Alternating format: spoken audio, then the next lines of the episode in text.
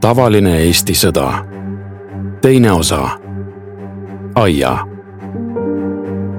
Eesti välismissioonidele siirduvaid sõdureid valmistab ette Scouts-pataljon.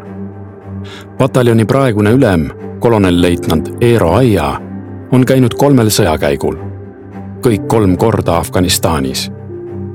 kohe esimesel missioonil kahe tuhande kuuendal aastal sai mees haavata, ent otsustas kahel korral naasta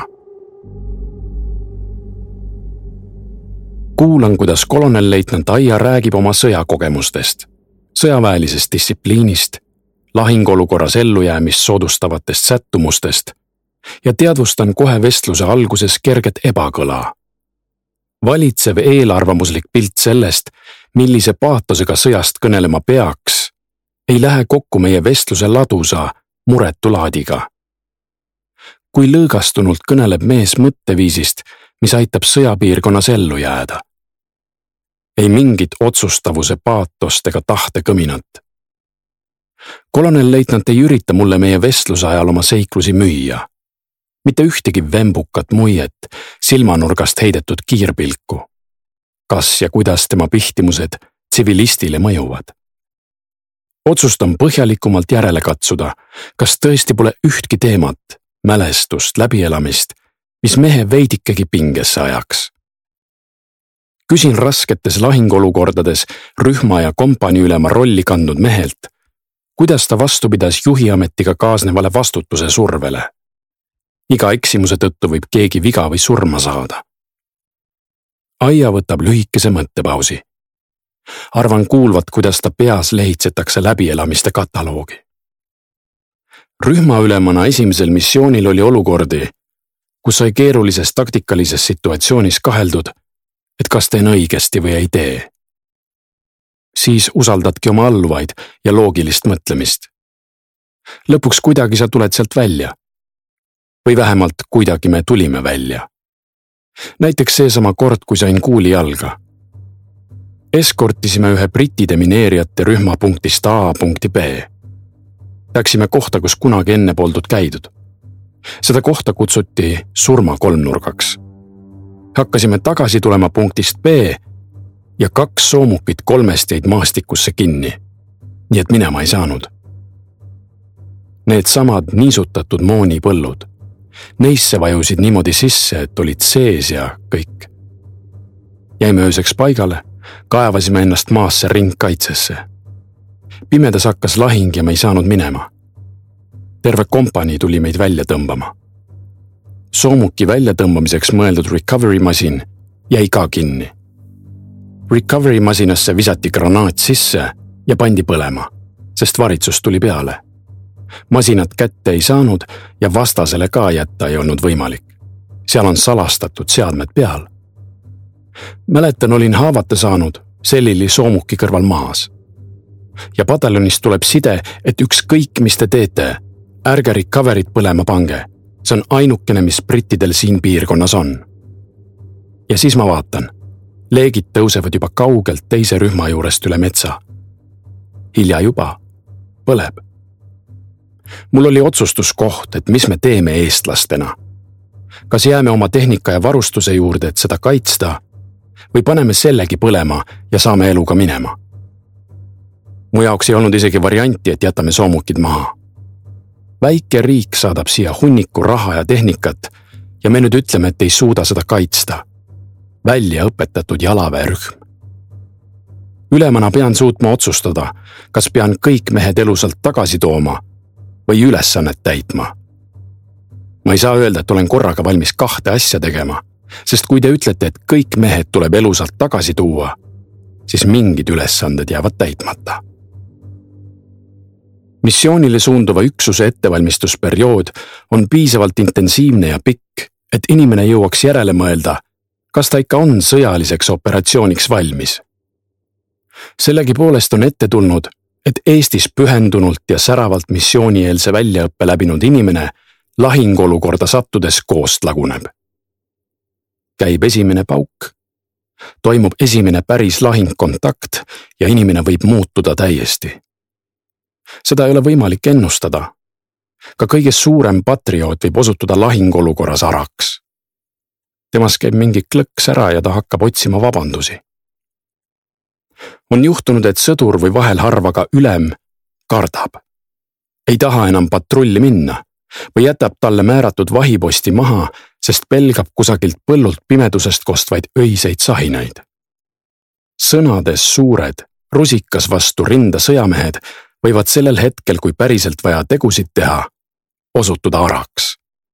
seletab Eesti üks kogenumaid ja hinnatumaid ülemaid, vähimagi hinnangu või üleoleku tundeta hääles.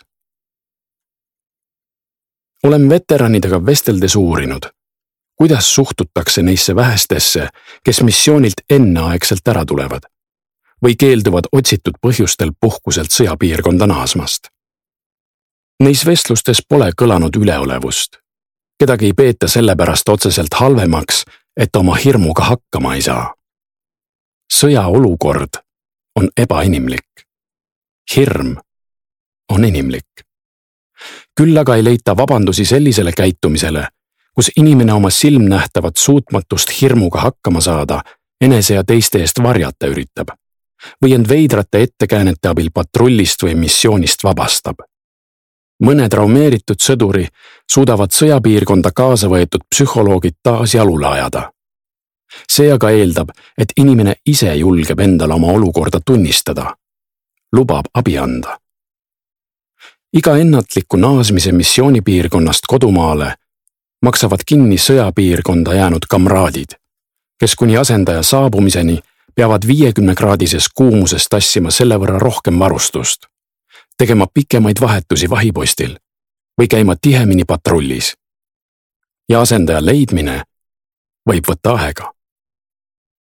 mul üks sõdur katkestas poole missiooni pealt. ütles, et ei. tema ei soovi tagasi tulla puhkuselt. õudusunenägusid näeb kogu aeg. ID-sid, isetehtud lõhkeseadmeid.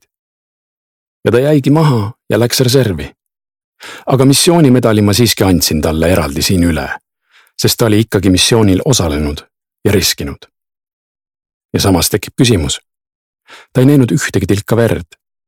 ei teinud ühtki pauku oma relvast. et millest see tuleb? tõenäoliselt on selles situatsioonis ikkagi midagi ängistavat. aga on ka neid psüühilisi põhjusi, mis tegelikult algavad kuskilt mujalt, mitte selle missiooni ajal. selle loo ettevalmistamise käigus uurisin sõjahirmu kohta ka teistelt kogenud veteranidelt. sealhulgas ühelt korduvalt missioonil kontingendi arsti rolli täitnud psühhiaatrilt. mis eristab lahinguolukorra pinget sellest pingest, mida peavad taluma väljakutsetele vastavad kiirabitöötajad, kes oma kurnavate vahetuste kestel näevad lisaks verele tihti ka vaesust ja moondunud peresuhteid kas vägivaldse kuriteo teatele reageeriv politseinik või põlengut kustutav päästeametnik ei pane siis oma elu ja tervist ohtu. oleks tobe hakata koostama hirmutavate elukutsete edetabelit. võid naasta eluga sõjast, aga siis kukkuda ehitusel tellingutelt ja kõik. aga kui olen küsinud, mis võib muuta lahingukogemuse pinge erinevaks muudest traumeerivatest elukutsetest siis on viidatud kahele asjaolule. esiteks, kaitseväelane on kõndiv sihtmärk. teiseks, vastast enamasti ei näe. oht on nähtamatu ja pidev, kogu missiooni kestel olemas. küpsetab vaikselt alateadvust, aktiveerib seal midagi, millest inimene ei pruugi enne missiooni teadlikki olla. aia ise ei osanud esimese missiooni eel midagi karta. kui ei ole kogenud lahingsituatsiooni, siis ei oska seda ka karta. Need, kes läksid oma mitmendale missioonile Afganistani, need teadsid, mis seal ees ootab, kui keeruline see on. ja neil oli ka oma peredele seda raskem selgitada, eriti kui nad olid juba haavata saanud. Nende lähedased olid selle telefonikõne korra juba saanud ja teadsid, mida karta kõige hullem asi, mis minu arust sõduril on, see on oodata missioonile minekut. nii minule kui mu abikaasale. see on samamoodi, et kui sa oled patrullis, aga pauk ei ole veel käinud. see on see kõige sitem variant, sest siis oled kogu aeg pinges. võib-olla sellepärast ka rahuoperatsioonidel pole tingimata lihtne, et seal see pidev ootus kurnab. kui pauk juba käib, esimene lask toimub, siis kuidagi see pinge kaob ja hakkavad mingid trillid ja hakkad tegutsema. kui inimene peab juba tegutsema, siis ärevus maandatakse.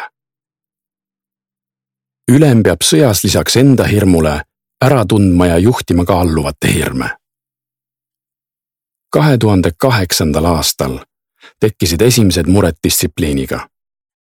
kui olid olnud juba esimesed langenud ja raskelt haavatud ning isevalmistatud lõhkekehade oht oli märksa suurem, siis ikka tekkisid küsimused reakoosseisus, et miks me üht või teistpidi olukordi lahendame ja kas ei saaks kuidagi ohutumalt ülesannet täita. Eesti üksuse ülemal on suur valikuvabadus, kuidas ülesannet täidame et kas minna patrullima ohtlikusse alasse või on meist rohkem kasu, kui oleme kaitstult baasis ja valmis tõsisema vajaduse korral reageerima. Sellistes vestlustes tekibki ülemal varem või hiljem see hetk, kus ta peab ütlema, et me oleme siin selleks, et ülesannet täita ja et ülesanne ning käsk on täitmiseks. ühel hetkel peame inimesi käskima, et nad läheksid, teeksid midagi, mida üldse teha ei taha pead minema patrullima mingisse alasse, kus eile keegi astus lõhkekeha otsa, kus võib-olla üleeile satuti varitsusse või kus sõber kaks nädalat tagasi surma sai. Ja tegelikult on ainus lõplikult pidav põhjendus, miks me sinna minema peame see, et see on meie ülesanne, mis meile on püstitatud. käsk. kui kasvatame endale sellise hoiaku, et käsud on tõlgendamiseks, mitte täitmiseks siis me ei ole valmis sõjaks. selliseks sõjaks, mis on märksa karmim, kui see Afganistan oli. kus oht ei ole ainult need isetehtud lõhkekehad teel või varitsused.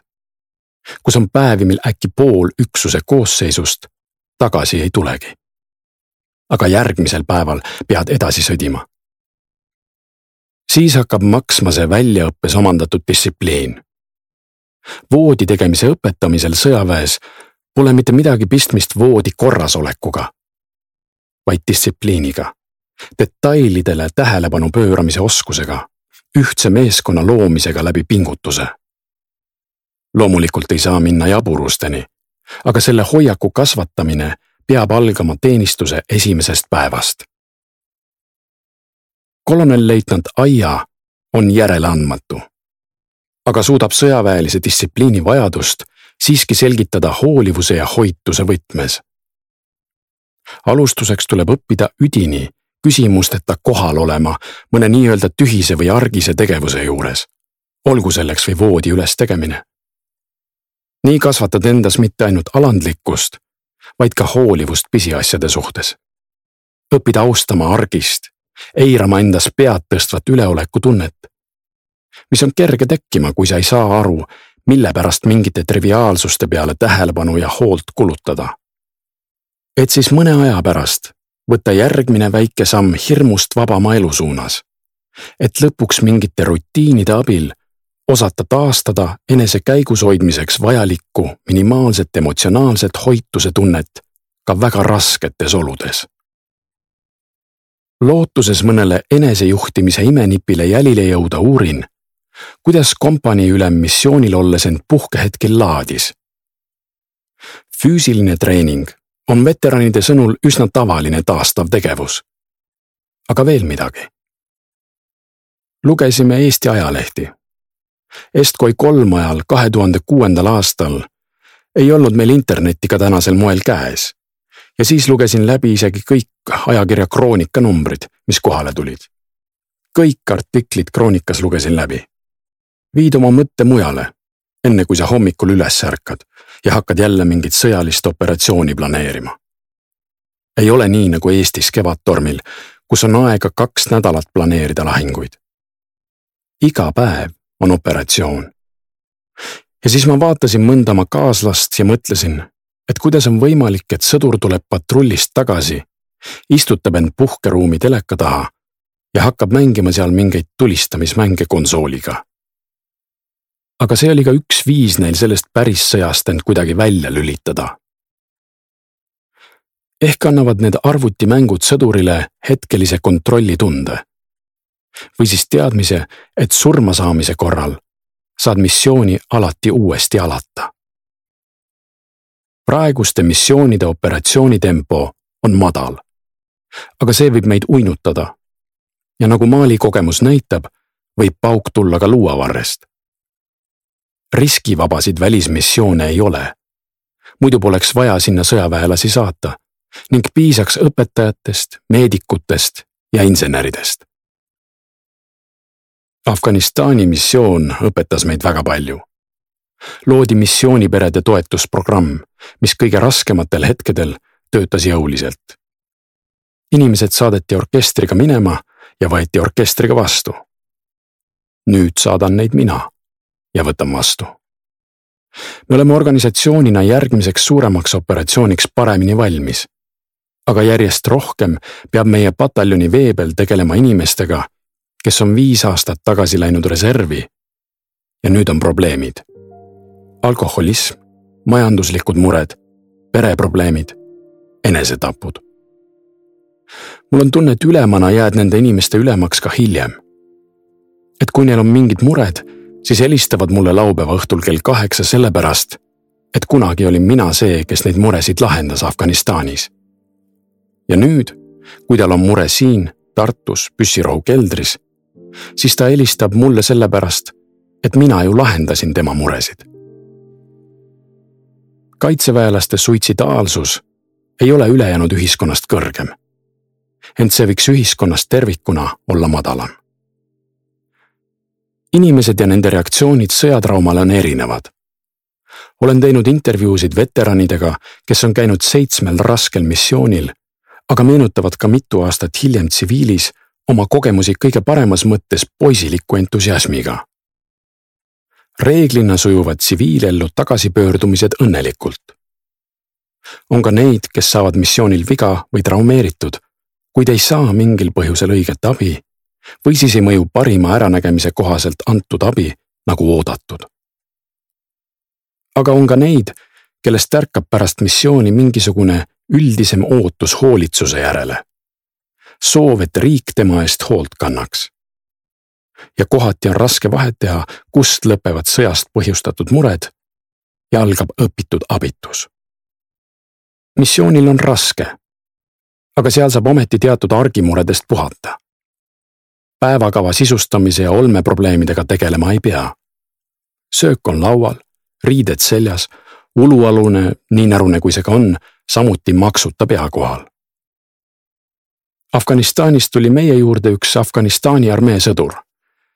saabus Estkoi meditsiinipunkti ja kurtis, et tal on kõik maailma hädad. Eesti meditsiiniõde pani talle plaastri käe peale ja ta juba ära minnes tundis ennast märksa paremini, sest ta sai kogemuse, et tema eest on hoolitsetud ma arvan, et inimesed ei oota ainult sellist psühholoogilist tuge ja nõustamist või et nende eest kõik mured ära lahendataks. mida nad ootavad, on rügemendi vaim. Esprit de corps. et see kuidagi oleks nendega jätkuvalt ka siis, kui nad on reservis. et nad saaksid oma endiste võitluskaaslastega kokku saada, õlut juua, vanu aegu meenutada. et oleks, kellega rääkida. miks siis üldse Eesti inimesi traumeerida? kas ei oleks mõistlik üldse sõjalistest operatsioonidest välispoliitilise instrumendina loobuda? Kas ei ole meie välispoliitika ülemilitariseeritud?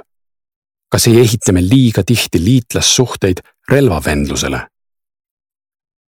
kaitseväe välismissioonidel on lisaks liitlassuhete loomisele Eesti sõjalises kaitses täita veel üks väga oluline roll.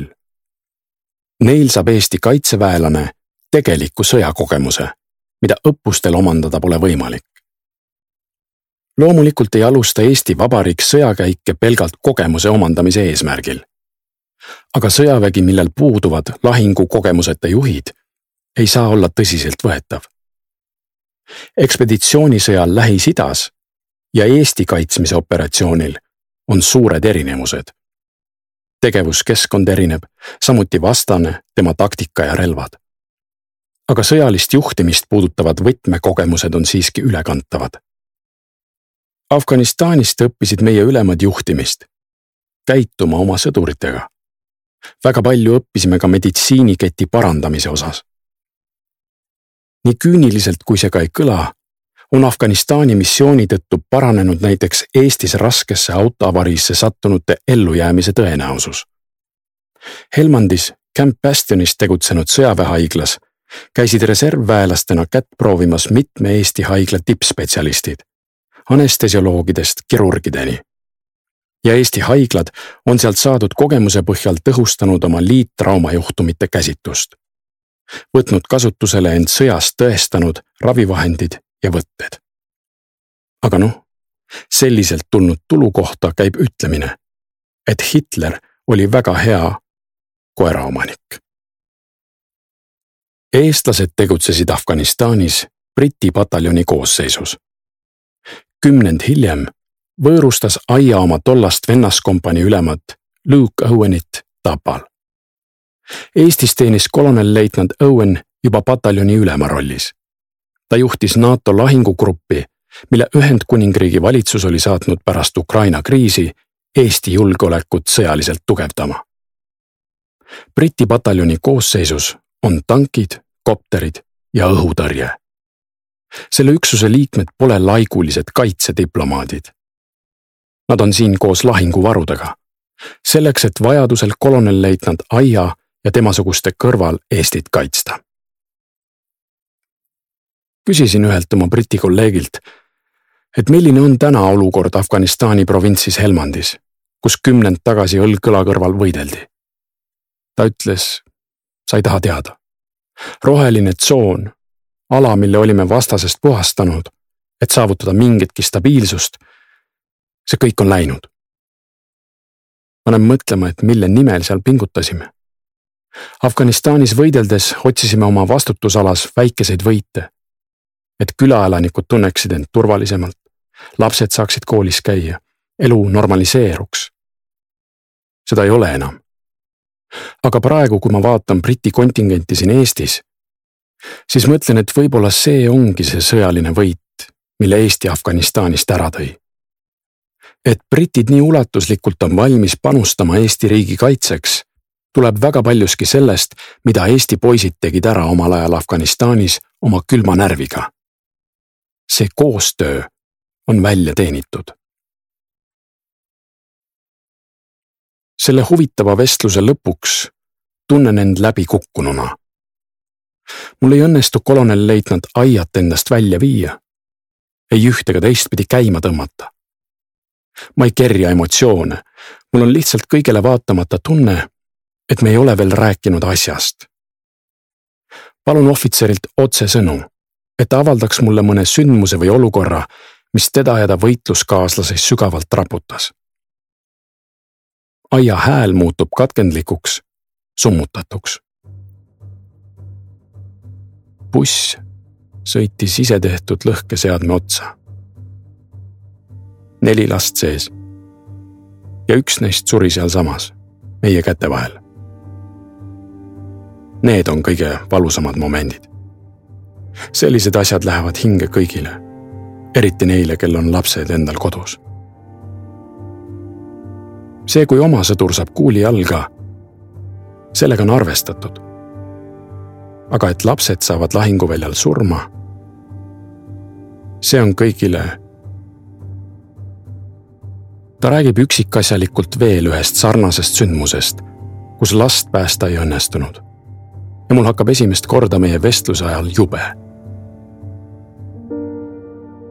kui suudaksime sõjalisi operatsioone vaadata sõjapiirkonnas elavate ja surevate laste silme läbi, sünniksid jõu kasutamise otsused arvatavasti märksa raskemini. häid sõdu pole olemas, isegi kui neid peavad nii head sõdurid kui Eero Aia.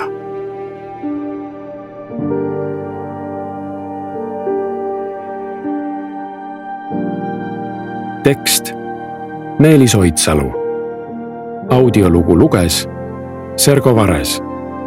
helikujundus ja muusika Konstantin Tsõbulevski. Levila kaks tuhat kakskümmend üks